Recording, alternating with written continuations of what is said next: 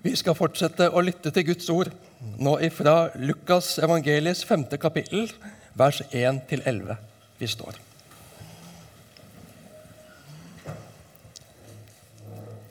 En gang sto Jesus ved Ganesaretsjøen, og folket, folket trengte seg innpå ham for å høre Guds ord. Da fikk han se to båter som lå ved stranden. Fiskerne var gått ut av dem og holdt på å skylle garn. Jesus steg opp i en av båtene, den som tilhørte Simon, og ba ham legge litt ut fra land. Så satte han seg og underviste folkemengden fra båten. Da han var ferdig med å tale, sa han til Simon, legg ut på dypet og sett garn til fangst. Mester, svarte Simon, vi har strevd hele natten og ikke fått noe, men på ditt ord vil jeg sette garn. Så gjorde de det, og fikk så mye fisk at garnet holdt på å revne. De ga tegn til arbeidslaget i den andre båten at de skulle komme og ta i med dem. Og da de kom, fylte de begge båtene, så var, de var nær ved å synke. Da Simon Peter så det, kastet han seg ned for Jesu føtter og sa, Gå fra meg, Herre, for jeg er en syndig mann. For han og alle som var med ham, ble grepet av forferdelse over den fangsten de hadde fått. På samme måte var det med Sebedeus-sønnene Jakob og Johannes, som fisket sammen med Simon. Men Jesus sa til Simon, 'Vær ikke redd, fra nå av skal du fange mennesker.' Så rodde de båtene i land, forlot alt og fulgte ham. Slik lyder Herrens ord. Vær så god, sitt. Vi er mange som hører til i Misjonshuset. Og Det er flott å komme sammen. Det er flott å møtes. Og det er kjekt med nye ansikter. Noen gjester. Noen som kanskje vil finne ut om dette er en plass en kan finne seg til rette. Veldig kjekt. Flott at dere har funnet veien hit til Misjonshuset. Vi er mange som tror på Jesus og vil følge Jesus i Misjonshuset. Men vi må aldri få nok med oss sjøl.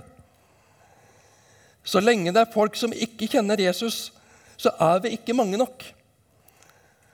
Om vi har Jesu hjertelag, så har vi alltid et øye og et hjerte for de som ennå ikke har fått lære Jesus å kjenne.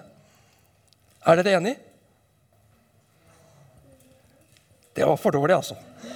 Om vi har Jesu hjertelag, har vi alltid et øye og et hjerte for de som ennå ikke har fått lære Jesus å kjenne. Er dere enig? Ja. Takk og lov for det. Folk trengte seg innpå Jesus, hørte vi. Som forkynner og pastor så kan jeg jo bli misunnelig på Jesus over at folk trengte seg innpå ham for å høre. Hohoi, for noen talegaver! For en karisma han må ha strålet. Det hadde vært noe om folk hadde strømmet til for å høre meg. Men da avslører jeg at jeg har helt feil fokus. Hva var det vi leste? Og folk trengte seg innpå ham for å høre Guds ord. Vi skal vokte oss for å dyrke ledere og metoder. Det er ikke de som skal fram. Det er Guds ord. Det er Jesus det er ham. Det er ordet, og det er Jesus, møtet med Jesus, folk trenger. Jeg tror at det er veldig mange som egentlig ønsker å høre Guds ord. Om de virkelig skjønner at det er det som er saken. At det ikke er noen religiøse greier og noen gamle skrifter som noen spesielt interesserte styrer med. Det er Guds ord det handler om. Det er Guds ord som skal ut og fram, som skal nå fram til folk. Folk trenger seg på Jesus og, at, og Jesus vil at folk skal få høre Guds ord. Og han gjør det han kan for å legge til rette. Hvordan kan vi legge til rette for at nye mennesker skal få øynene opp for legge til rette for at nye mennesker virkelig skal få høre Guds ord i og ut ifra vår menighet, vår forsamling. Jesus lar båten, vannet og stranda danne et amfi hvor lyden bærer, så folk får se og høre og komme til tro på ham. Men Jesus er ikke først og fremst opptatt av antall. Jesus ser ikke først og fremst folkemengden. Jesus ser enkeltmennesket. Jesus ser Peter. Jesus bryr seg om Peter. Jesus ser hva han trenger, og møter ham på det. Og da har han oppmerksomheten til Peter. Peter sleit med å få endene til å møtes. Han hadde ikke mat å sette på bordet til kone og barn. Han var fortvila. De hadde strevd hele natten, men ikke fått noe fisk. Hvordan er det å være yrkesfisker og ikke få noe fisk? Det kan ikke være noe særlig. Det gir ikke godfølelsen akkurat. Det er dette jeg kan, det er dette jeg har å leve av. Men jeg får jo ikke noe. Tomme garn. Ingenting. En kan lett bli tatt av følelsen 'jeg får det ikke til'. Jeg lykkes ikke. Jeg kan ikke. Jeg duger ikke. Koronatid med permitteringer, jobber som blir borte, bedrifter som går under, null inntekt, store omstillinger. Takk og lov for Nav, sier jeg. Men det er nødhjelp. Det gir ikke samme godfølelsen som å tjene pengene sjøl. Det å lykkes, det å få det til, mestre. Da Jesus var ferdig med å tale, sa han til Simon Peter.: Legg ut på dypet og sett garn til fangst. Jesus gir Peter en utfordring på grensa av hva han tåler. På grensa av hva han takler, sånn jeg leser Peter. Det er ikke bare bare å bli fortalt hva du skal gjøre. Hallo, dette er jobben min. Det er jeg som kan dette. Og så kommer du, en vilt fremmed, og forteller meg hva jeg skal gjøre for å lykkes i jobben min. Hva tar du meg for? Han kunne kjenne seg plukka på. Han kunne blitt mektig provosert. Han kunne latt stoltheten slå inn og avvist den urimelige instruksen fra bedreviteren. Men Peter lar de instinktene passere og velger å lytte til Jesus. Og ta Jesus på ordet. Ta Jesus på alvor. Han hadde sannsynligvis skjønt at det er noe med denne Jesus. Og det var noe med måten Jesus sa det på. Han er ikke en av disse blærete bedreviterne, men en som vil meg vel. Mester, svarte Simon Peter, vi har strevd hele natten og ikke fått noe. Men på ditt ord vil jeg sette garn. Vi vet ikke tonefallet det ble sagt i. Vi vet ikke hva Peter tenkte, men vi vet hva han sa, og hva han gjorde, og hva som kom ut av det. På ditt ord vil jeg sette garn. Så gjorde de det, og fikk så mye fisk at garnet holdt på å revne. De ga tegn til arbeidslaget i den andre båten at de skulle komme og ta i med dem. Og da de kom, fylte de begge båtene, så de var nær ved å synke. Da Simon Peter så det, kastet han seg ned for Jesu føtter og sa, Gå fra meg, Herre, for jeg er en syndig mann. For han og alle som var med ham, ble grepet av forferdelse over den fangsten de hadde fått. Så du denne reaksjonen komme? Hvorfor var det ikke jubel og begeistring, hopp og sprett og tjo og hei? Jo, jeg tror det var jubel og begeistring også. Absolutt. Dette var jo fantastisk. Hvordan er dette mulig? Her har vi veldig mye mer enn det vi håpa på. Vi har mat, vi har mer enn det vi trenger. Vi kan selge og ha råd til masse annet også. Juhu! Bekymringen for det materielle var som blåst bort. Men det var noe mer. Det var noe annet også. Hva slags mann er dette? Hvem kan få slike ting til å skje? Han visste Og de visste at dette var ikke tilfeldig. Sånt skjer ikke tilfeldig. Denne Jesus har makt over fiskene. Og han ga oss fulle garn, overfylte garn. Og det virker som om Peter gjennom det får et helt nytt syn på seg selv. Jeg innbiller meg at Simon Peter var en kjekkas. En som var freidig og frimodig, modig og vågal. En med store ord og store ambisjoner. Klart at jeg kan! Se på meg! Men nå var det en helt annen lyd. Gå fra meg, for jeg er en syndig mann. Var det korrekt sitert? Nei. Gå fra meg, Herre, for jeg er en syndig mann. Peter hadde møtt sin overmann. Ja, de stilte i helt forskjellig klasse. Denne karen er ikke å kimse av.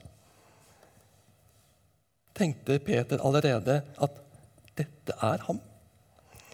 Dette er han profetene profeterte om. Dette er Messias. Dette er Guds sønn. Jeg vet ikke. Men jeg tror det var noe i Peter som tenkte i den retning. Peter så sin egen synd i møte med Jesus. Peter så at han var et helt, av et helt annet kaliber enn denne fremmede som fikk dette fantastiske til å skje. Et mirakel.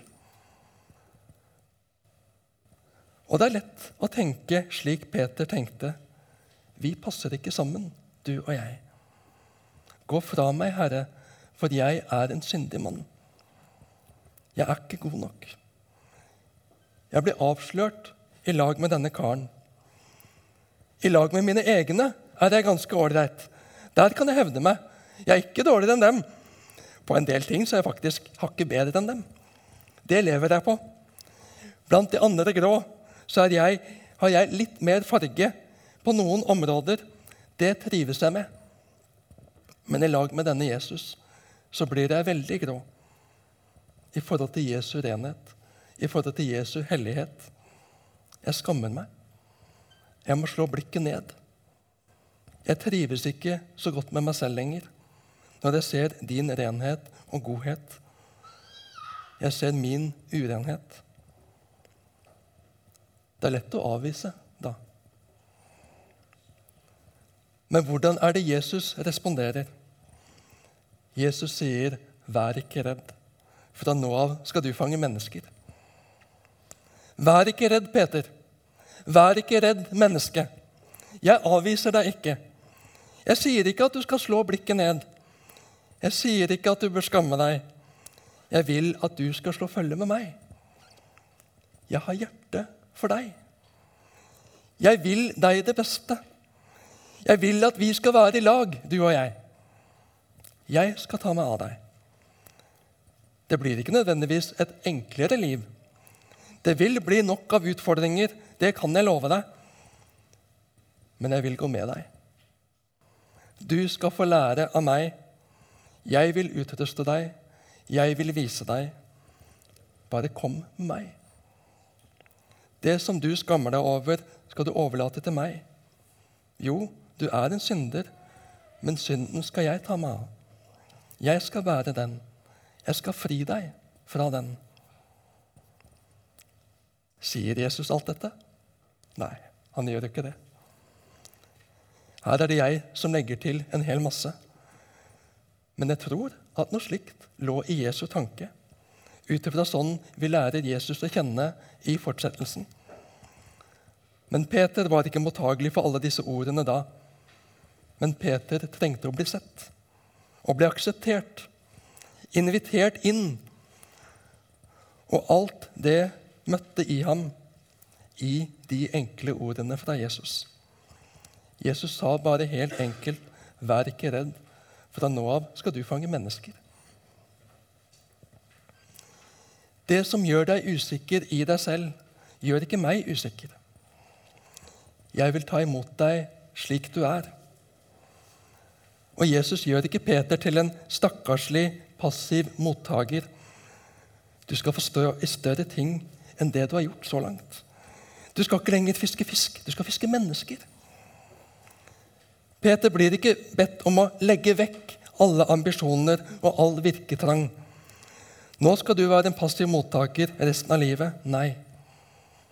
Jesus forfremmer Peter. Jesus løfter ham opp i aktelse og verdighet. Jesus tar seg av problemet og løfter Peter opp. Sånn vil jeg også være. Jeg vil ikke være en som peker på synda til folk og snakker om hvor dårlig liv de lever. Jeg tror vi alle er smertelig klar over mer enn nok av hull og mangler i den flotte fasaden som vi gjerne vil fremstå med.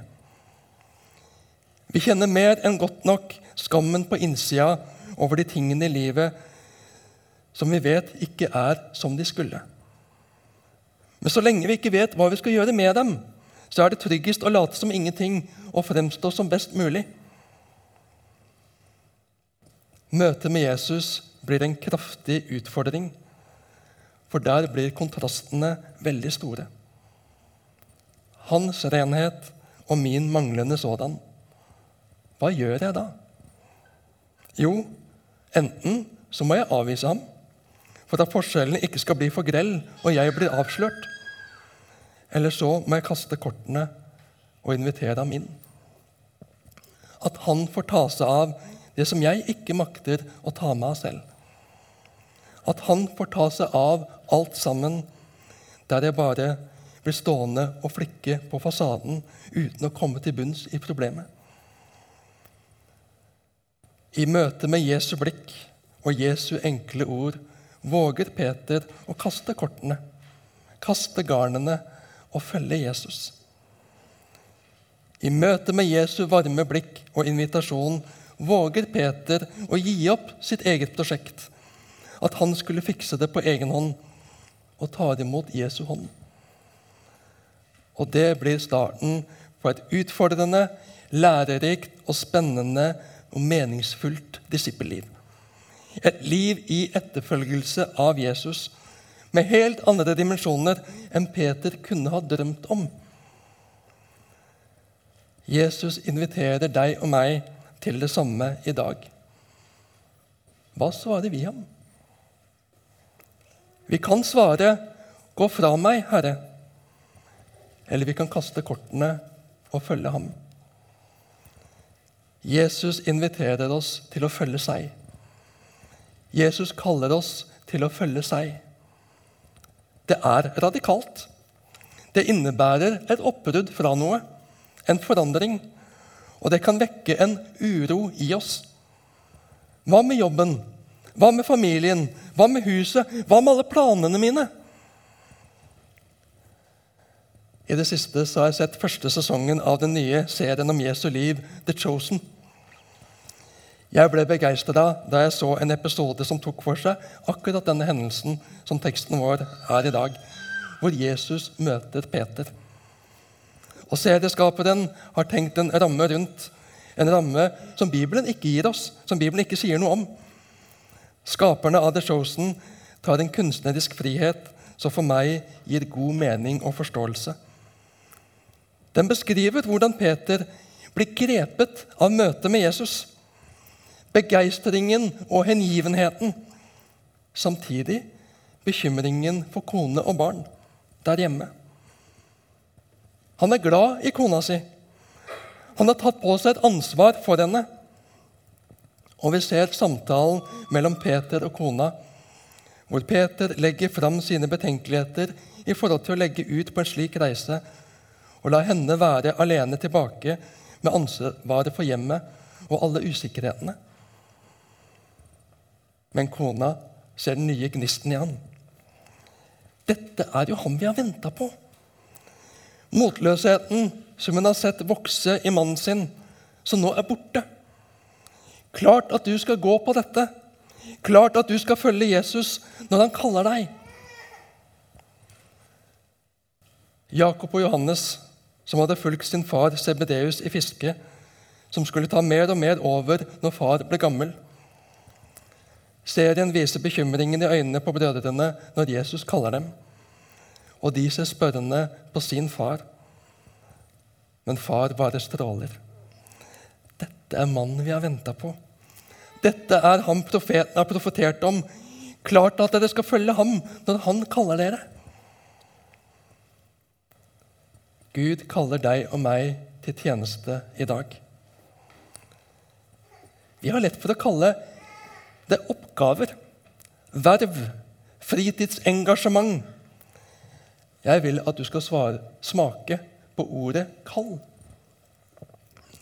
Jeg vil at du skal vurdere å omtale engasjementet i menigheten på en annen måte heretter. Dette er et kall Gud har gitt meg.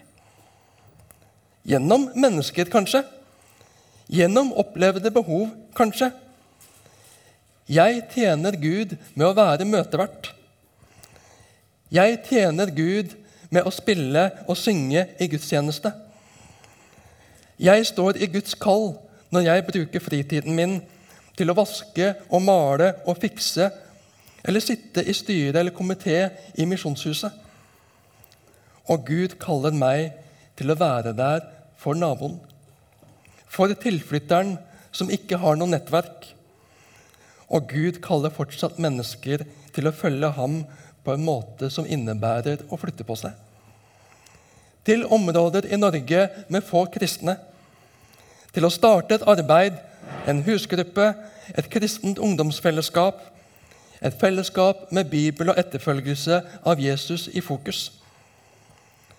Gud kaller fortsatt mennesker i dag til å forlate hjem og familie i Norge og reise til folkegrupper som ennå ikke har budskapet om Jesus i sin midte.